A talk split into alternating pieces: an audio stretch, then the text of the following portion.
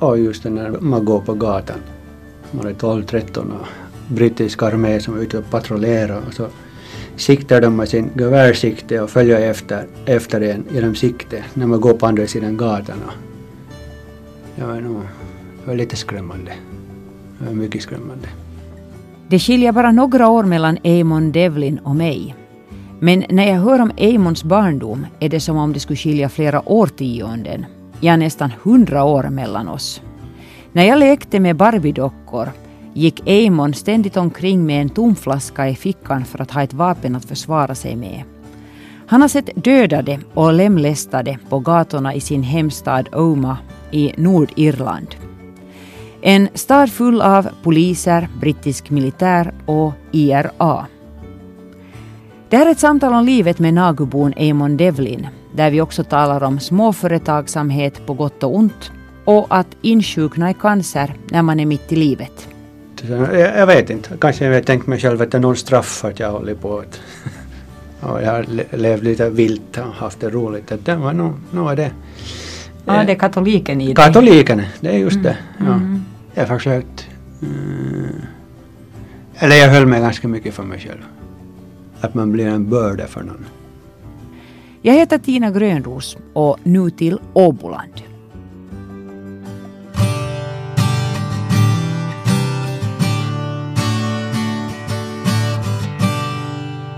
Jag heter Eamon Devlin. Född och uppväxt i Nordirland. Oma hette den stan och gick i skolan där såklart och kockskolan och, och sen 19 år tror jag var jag flyttade till Tyskland. Mest till att komma bort från den där kriget, tillstånd som, som pågick då. Så flyttade man till Tyskland, var där två år, träffade man en finsk flicka som hämtade mig hit till Finland. Året var 88 och här igen i Nago. Fast man har tänkt i flera omgångar att nu börjar det bli dags att flytta, flytta bort och flytta vidare. Men, men det har blivit, man har stannat där och man har bekanta och vänner, man har ju familj, man har två döttrar som bor där så man är på det viset fast. Och man har kommit upp i den här åldern som har blivit bekväm av sig. Mm, åldern betyder att du fyller 50 år? 50 fyller jag. Nu där har vi dig Eamon i ett nötskal och också varför du är Nagu. Det är egentligen kvinnorna som har hämtat dig till Finland. Ja. Ja. Mm. Men, men när du sa att du kanske borde röra på dig, jag menar att du borde flytta så småningom, så tänker jag så här att skulle du vilja flytta tillbaka till Irland? Eh, det, oftast är det ju om man kan tänka sig att man skulle kunna flytta tillbaka men sen får man dit på en vecka semester eller far hem ett par veckor och, och hälsa på familjen. Men sen tänker nej, nu har man bott så länge i Finland, men nästan mera finska än irländskt nu för tiden. Att man har liksom sju syskon och mamma som lever ännu. Och deras barn är ett stort liksom kaos hela tiden. Så det, när jag liksom bor ensam där i Nago så jag, jag trivs.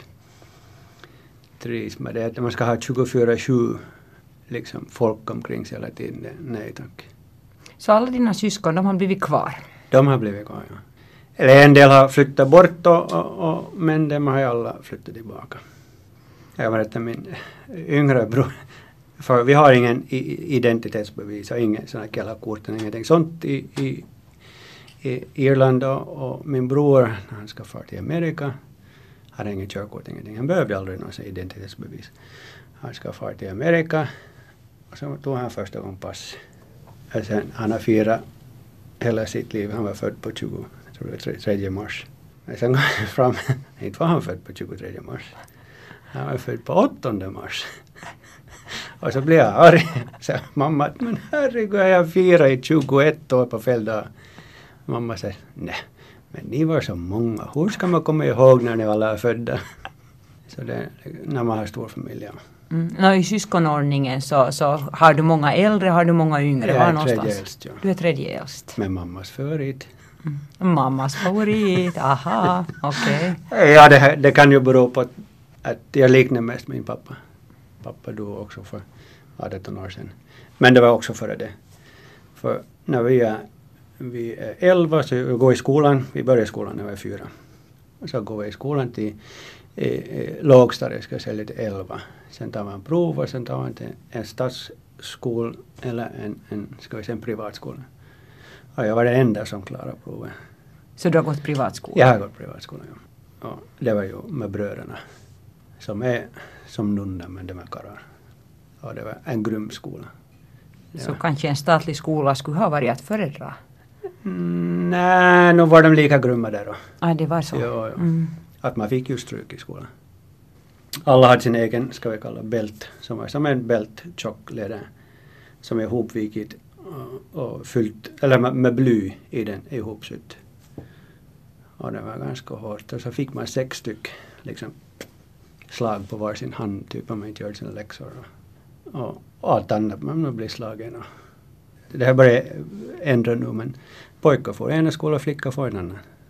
Och det är svårt om det är 30 pojkar i ett rum till att försöka hålla ordning på dem. Så det var liksom, de tog mycket till våld och sånt. Uh, hur, vet du alls hur det var i flickskolorna? Var det, var det lika mycket kroppslig aga där också? Till ett visst del, ja. Till ett visst del. Nu blev de slagna. Nu var det sådana nunnor som, som slog mina syskon. Men det är väl liksom accepterat, liksom, de gör så. Och föräldrarna accepterar den att de gör det. Att de ska hålla lite ordning på.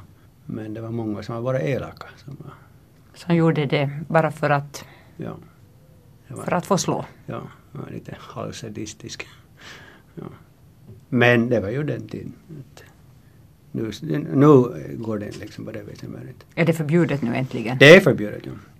Och plus det att det blir mera, att det finns mera blandat, pojkar och, och flickor i samma. Jag vet, jag var först när jag får till, till kockskolan, det var först när det blev första gången att det var pojkar och flickor i, i samma klass. Jag kommer ihåg när mina barns mor, hon är barnträdgårdslärare, var hemma en, en, en vinter och så får vi så på liksom barn i samma ålder som hon hade i, i, i dagis, hur de hade i skolan där. Att, så att de, alla satt i sina pulpet i, i rad, alla sin uniform på. Och det var fyra, femåringar. Att liksom, skillnaden är mycket stor skillnad mellan här och där. Skulle du säga att du föredrar uh, vårt skolsystem? Ja, utan vidare. Inte tror jag att barnen är beredda till, till far sån här, sån här strikt uppväxt i, när de är fyra och fem år. Nu ska de få nog leka lite fritt ännu.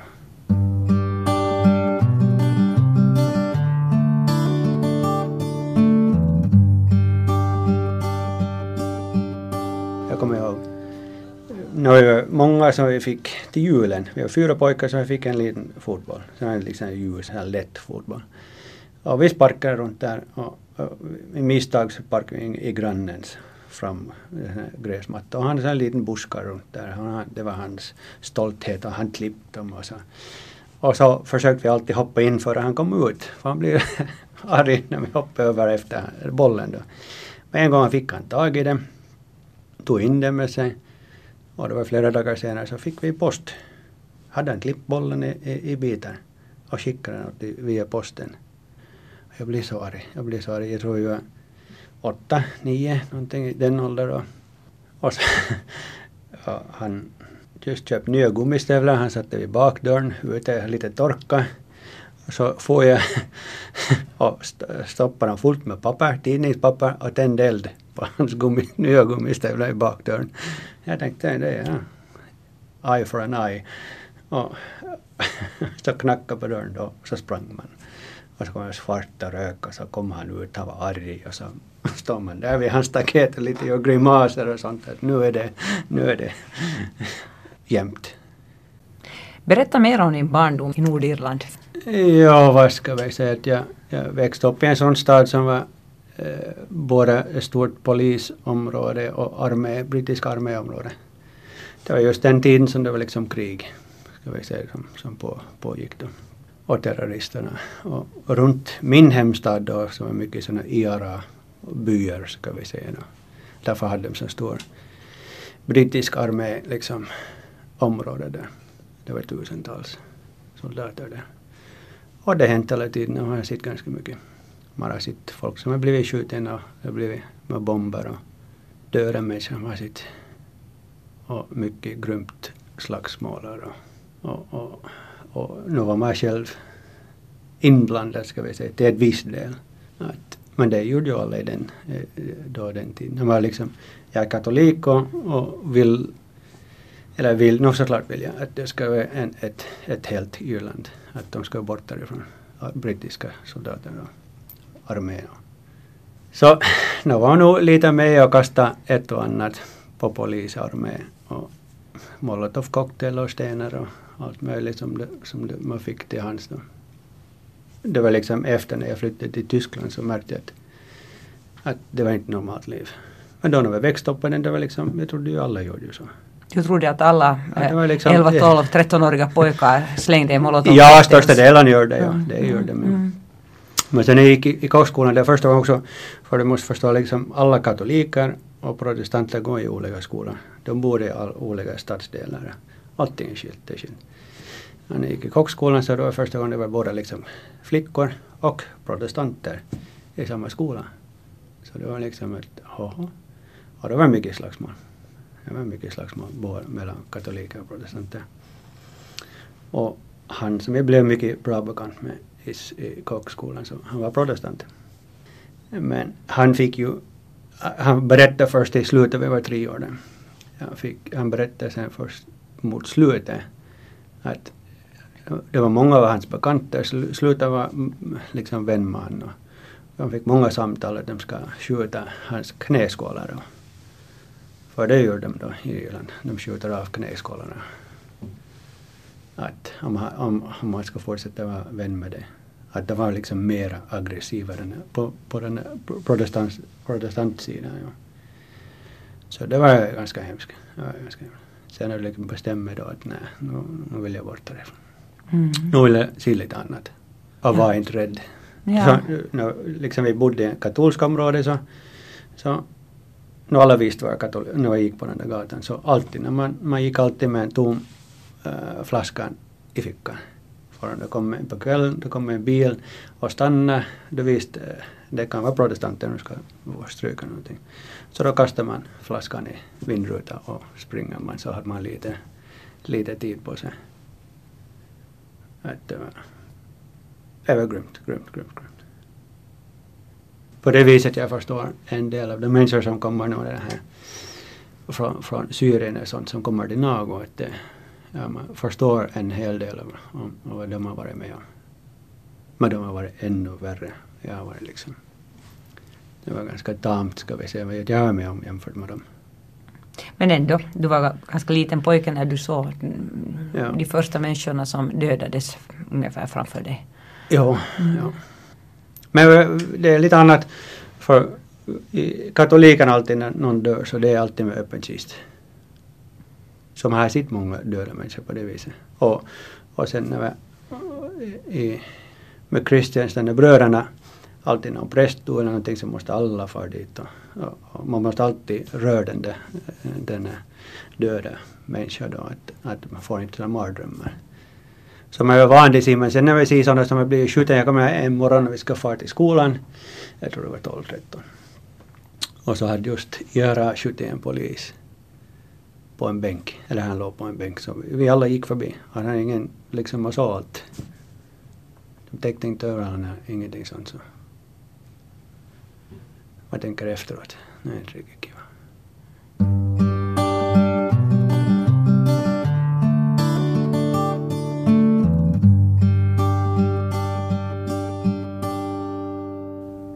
Hur hade ni det i er familj då? Jag menar du sa ju att du var på sätt och vis med i det men, att, men var ni mycket involverade till exempel i, i IRA?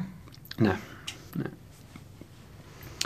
Man hade lite samma ideologi samma tanke men det, det är liksom, sen går man till IRA så det är mer extrem. Att man, kunde liksom, man vill ha den där engelsmännen bort, britterna bort. Man vill ha ett, ett, ett helt Irland.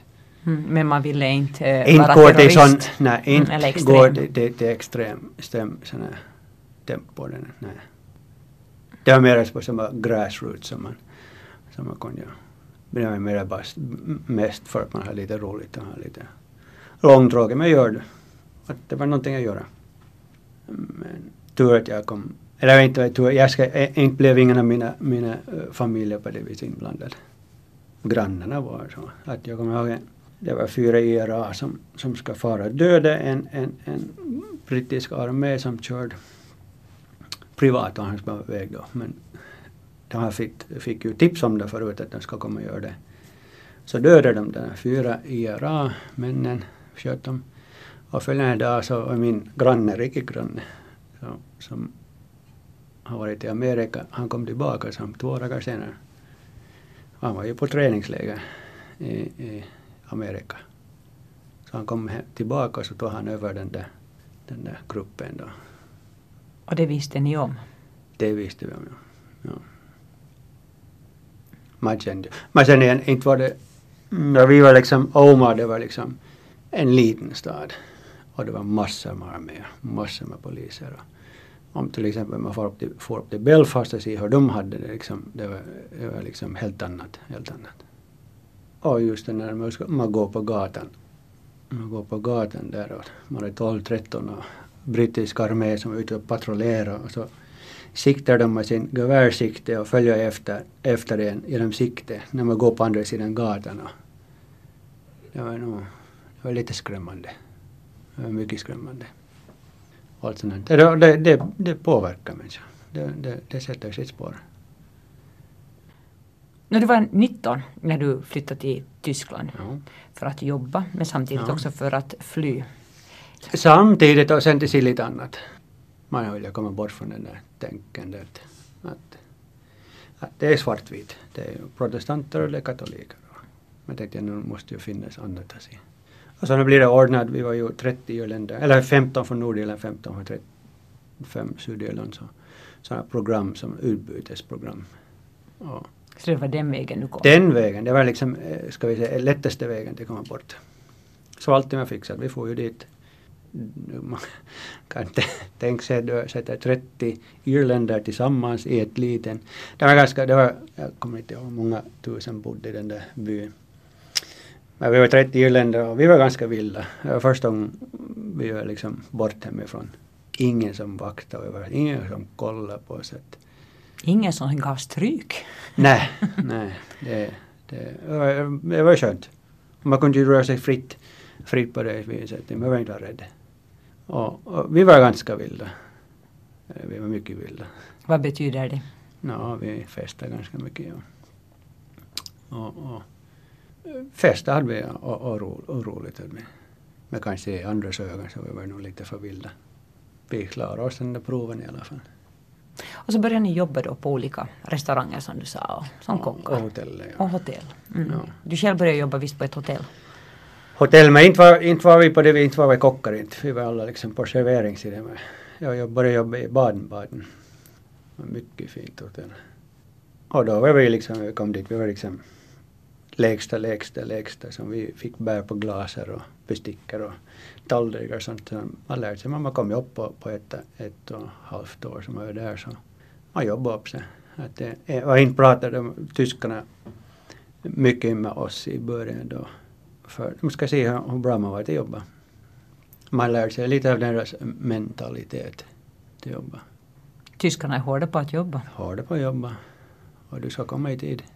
Och, och, ja, helst i förväg. Helst 10-15 minuter i förväg. Men då, när jag gick i skolan när vi var yngre så, så har jag alltid jobbat hemma. Jag började som 11-åring köra runt mjölk hem till folk.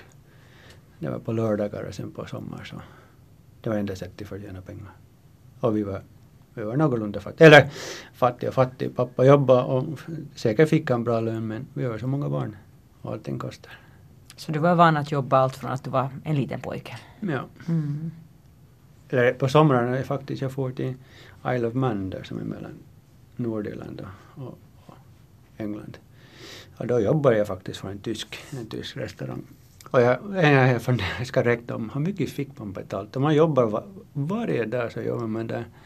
Så jag räknar om det att det är ungefär 150 euro i veckan fick man Det jobbade. där. Och det var alla dagar, 10 timmars dagar var det. Och får 150 euro i veckan. 20, ja, ja. 20 euro per dag. Inte ens det. Ja. Så man lär, men det är ju skolning, man, lär, man ska lära sig. Och sen får man liksom till Tyskland och, och det var hårt arbete. Men, men, men man- har också uppskattat att man gör sitt arbete. Så man fick alltid eh, tack igen. Och sen var det där så träffade jag ju till samma hotell en finsk flicka som, som vi började sällskapa med. Mm. Jag kommer ihåg då, det var första vinter hennes syster ska gifta sig så vi kom ju över, före jag flyttade här först så jag kommer här liksom, kom hit i, i januari. Nej, nej, nej, nej, nej, nej, nej, ju, det var december ja, och det var kallt som fan. och inte hade jag några kläder med mig, man måste låna kläder överallt och, och det var kallt, jag kommer ihåg det. Sen tog hennes arbetsavtal slut, hon flyttade tillbaka och jag blev kvar och sen sökte hon, och då kom Les Caldo hade ju, det var öppet ett år, det andra året som sökte personal och hon sökte sig dit. I? Nagu ja. Ja. Så hon fick anställning och så ringde hon upp mig och frågade om jag ska intresserad att komma. Så ja, no, varför inte? Det, nu är jag intresserad av att komma och hälsa på damen. Flickvännen då också. Så. Jag kom hit för intervju först, eller när vi körde ut från Helsingfors. Och vi körde och vi körde och vi körde. Nu vart är vi på väg? Sen kom jag över. Nej, men vart är vi på, på gång? Och så, så hon gjorde med flit, hon körde genom byn. Höll på andra sidan och så sa hon, vad tyckte du om centrum? Så jag, vilken centrum?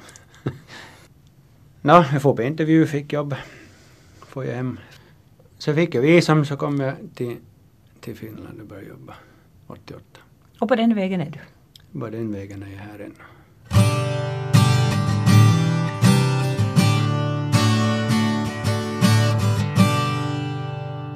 När Eamon Devlin kom till Finland jobbade han de första åren på restaurang i Nagu och Helsingfors. Först lärde han sig finska och därefter svenska. Han lärde sig båda språken genom att aktivt söka sig ut bland andra människor och prata. Fast i början upplevdes han kanske som en något udda fågel. Och den där första lördagkväll som jag kommer ihåg när jag var här som Maja som hon hette, hon var ledigt. Eller hon var på jobb, jag var ledig.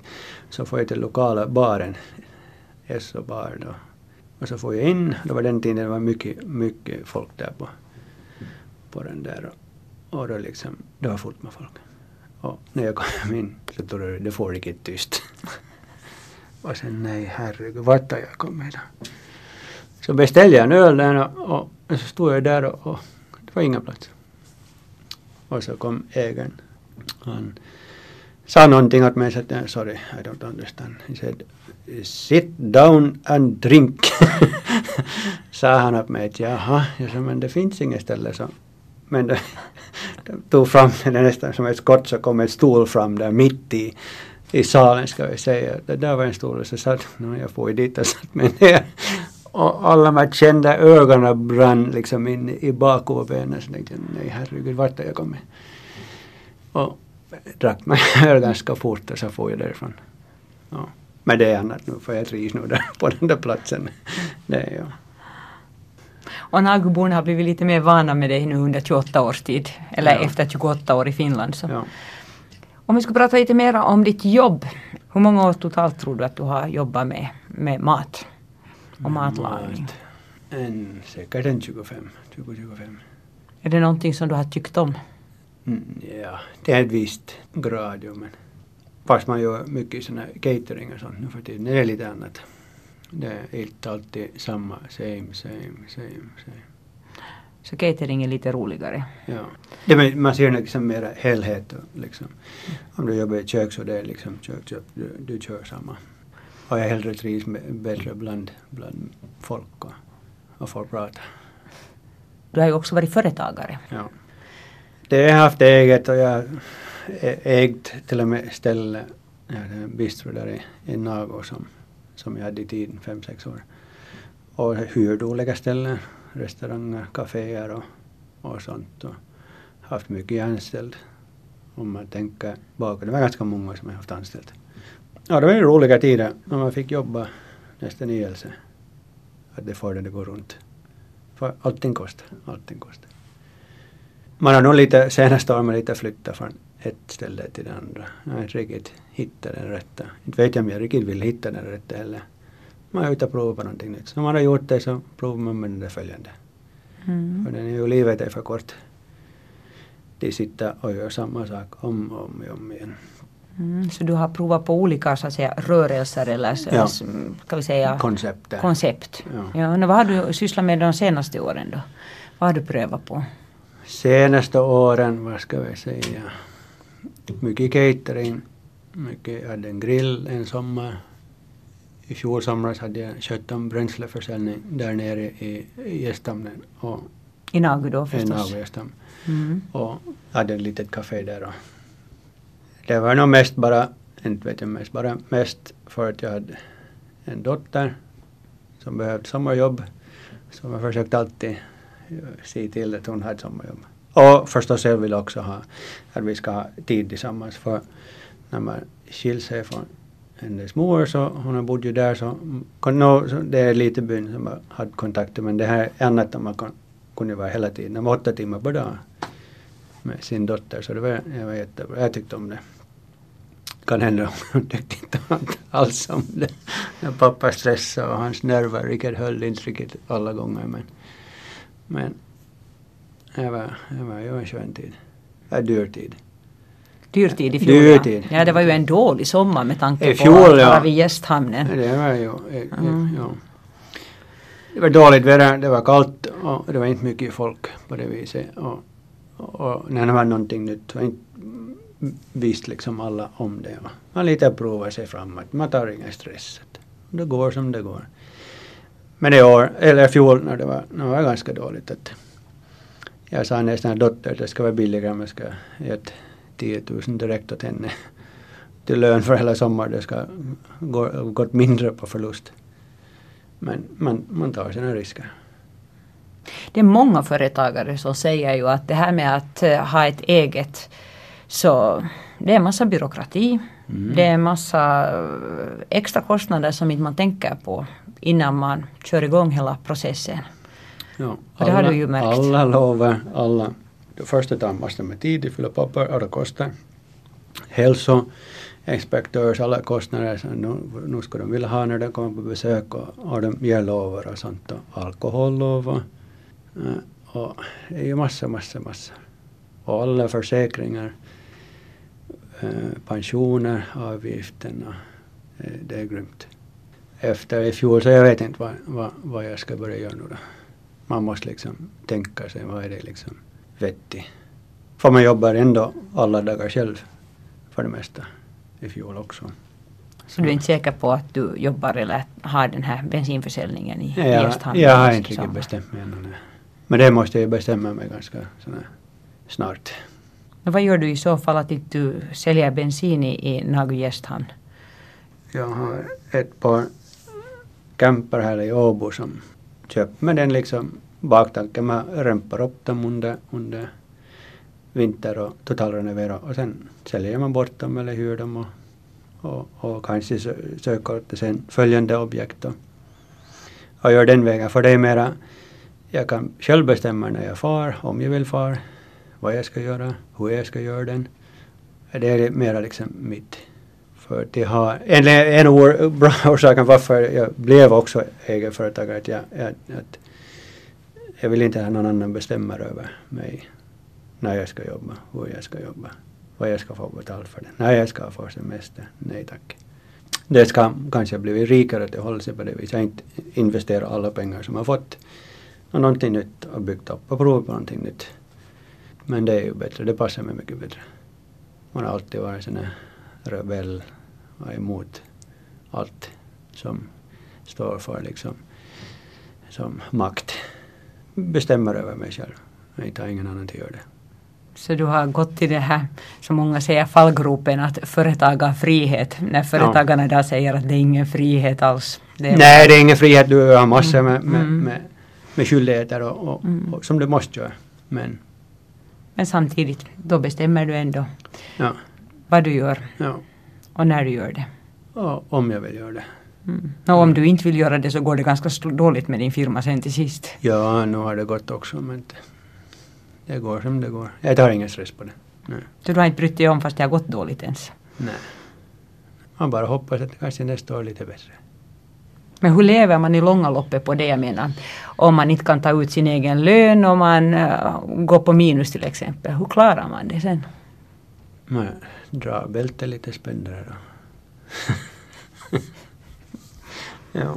Nej, nu har man sett att man, man, man just och just lär sig. Inte det viktigaste pengar inte. Inte det viktigaste ägarmassor. Inte det. Ja, du berättar ju också att, att ni kommer ju från, eller du kommer ju från fattiga förhållanden. Ja. Eller fattig och fattig. Vi, nu hade vi säkert någon men det, pengar räckte inte till. Många barn, Många som barn. du sa. Och, och när man fick betalt då i den tiden äh, varje fredag en brunka värma pengar så det kom ju onsdag så pengarna var slut. Och så var det bara, jag kommer ihåg, och jag ändå reminissa med mina syskon att hur det var på fredagar. Nu var vi hungriga efter skolan, vi hade ingen mat, allting var tomt och pappa, han fick ju lön så får de puben först och sen får han köpa mat och hämta hem någon mat åt oss då. Oftast var det fredagar, fish and chips för det katoliken så borde inte äta kött på fredagar. Så var det så. Oftast var det kallt för han hade ju kanske varit lite längre i puben eller hur det var. Men det var mat, man fick ju någonting. Ja. Och som har lärt sig det. Man behöver inte allt. Har du helt lämnat så att säga kyrkan och religionen bakom dig? Ja. ja. Jag tycker det ställer till med allt för mycket problem. Jag tar avstånd från det. Och just på grund av man eh, religiösa uppväxt och skolan och, och, och det som prästen, prästen har gjort, håller på med i Irland. Så det, det är grymt. grymt. Nej. Berätta om din sjukdom. Du har haft cancer? Jag har haft cancer, ja. I tonsillerna. Papillomvirus. Det hände ju, jag tror det var nio år sedan. Jag vet inte. Ja, det är ju säkert många orsaker. Och många vet varifrån det kommer, den där papillomviruset. Men jag fick den. Eller jag får på prov, det började komma en sån här böld här på, på halsen. Så var ju då, som jag inte annars tycker om att far till läkare eller någonting. Så, men jag får den här gången. Faktiskt. Jag blev lite orolig själv. För det blev sån här hård knöl. Så var jag dit och så blev jag skickad vidare till Åbolands sjukhus och sen blev jag skickad vidare till Tyx.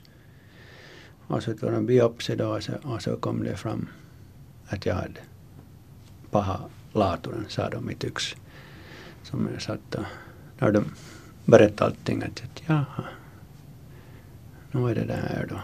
Och, och så satt jag, så får jag ut efter dem och berättade allt det här, vad de har tänkt göra. De ska följande dag ska ta, det var liksom uh, start eller de liksom i tonsillarna.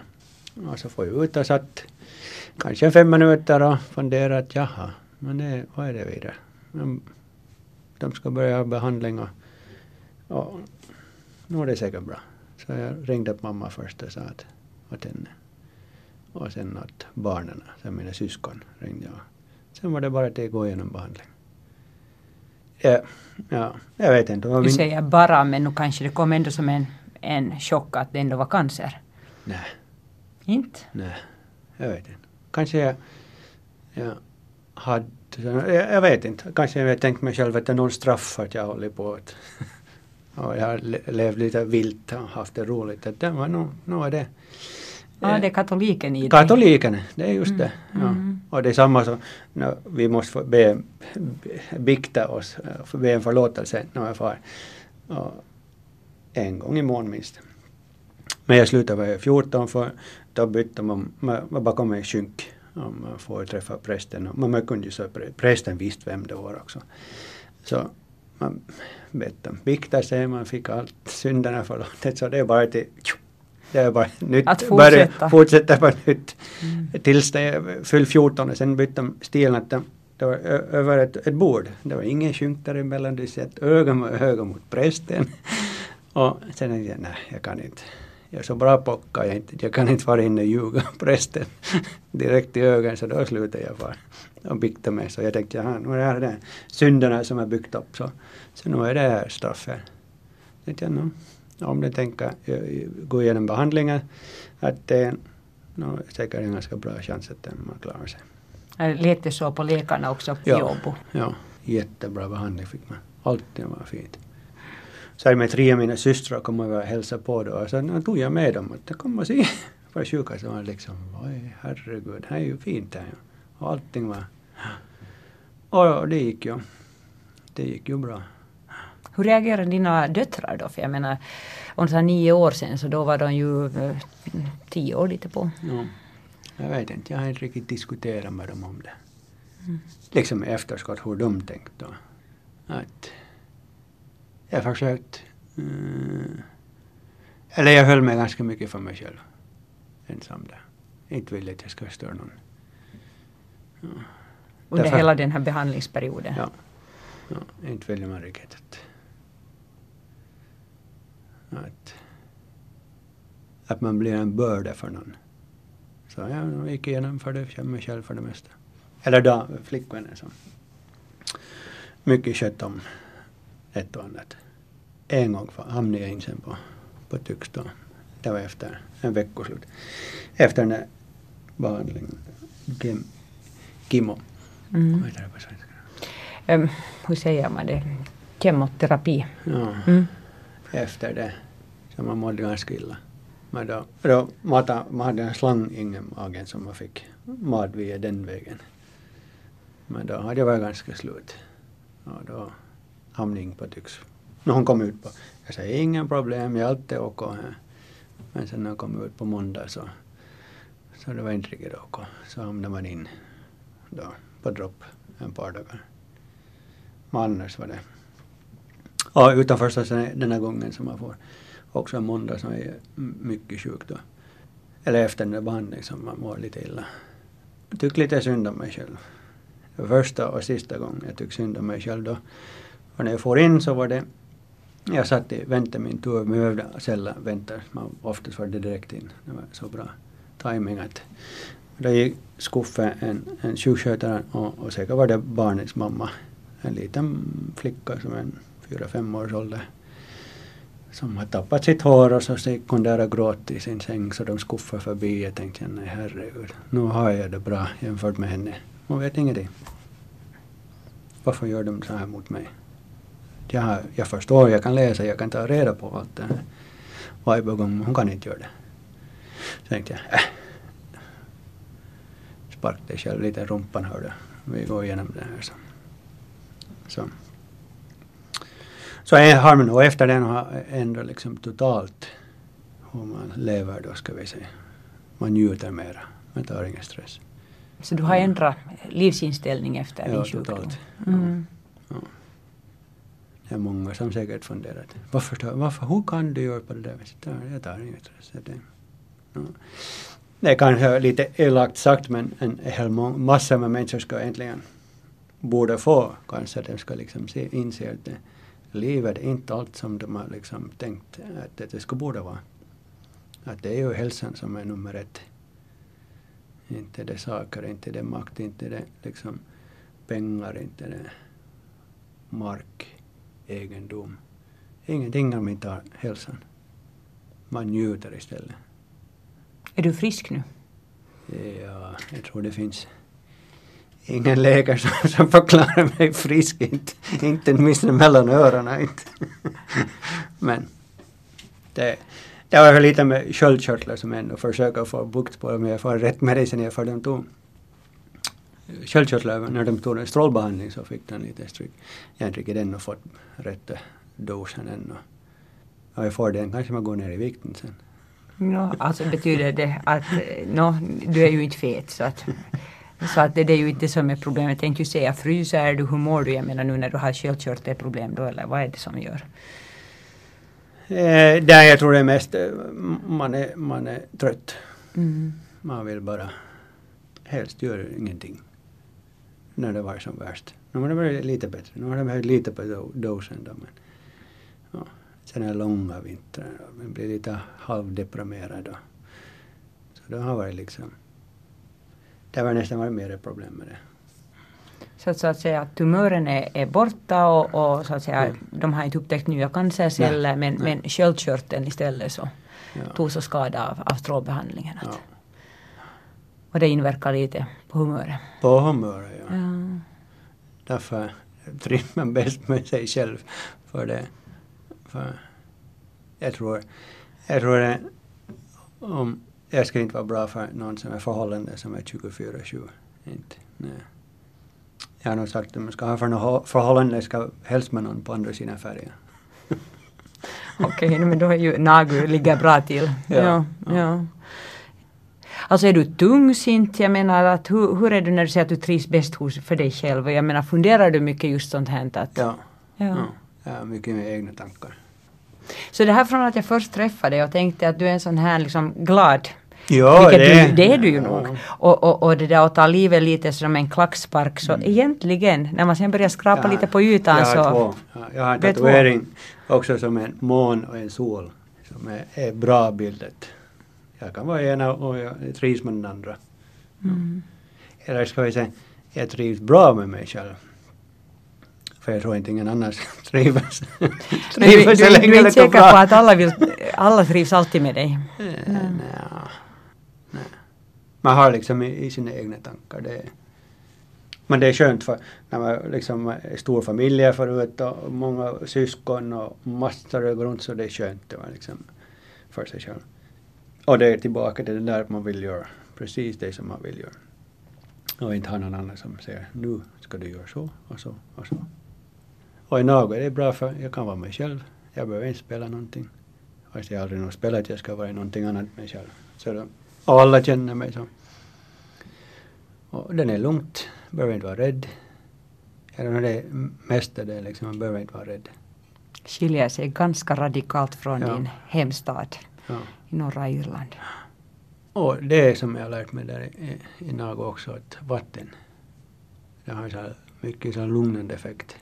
Behöver bara se vatten så det, det är bra. Eller, eller jag trivs därför jag vet att det är nära. Om jag vill ta några steg så, så får jag se, så det, den är bra. Det har en lugnande effekt.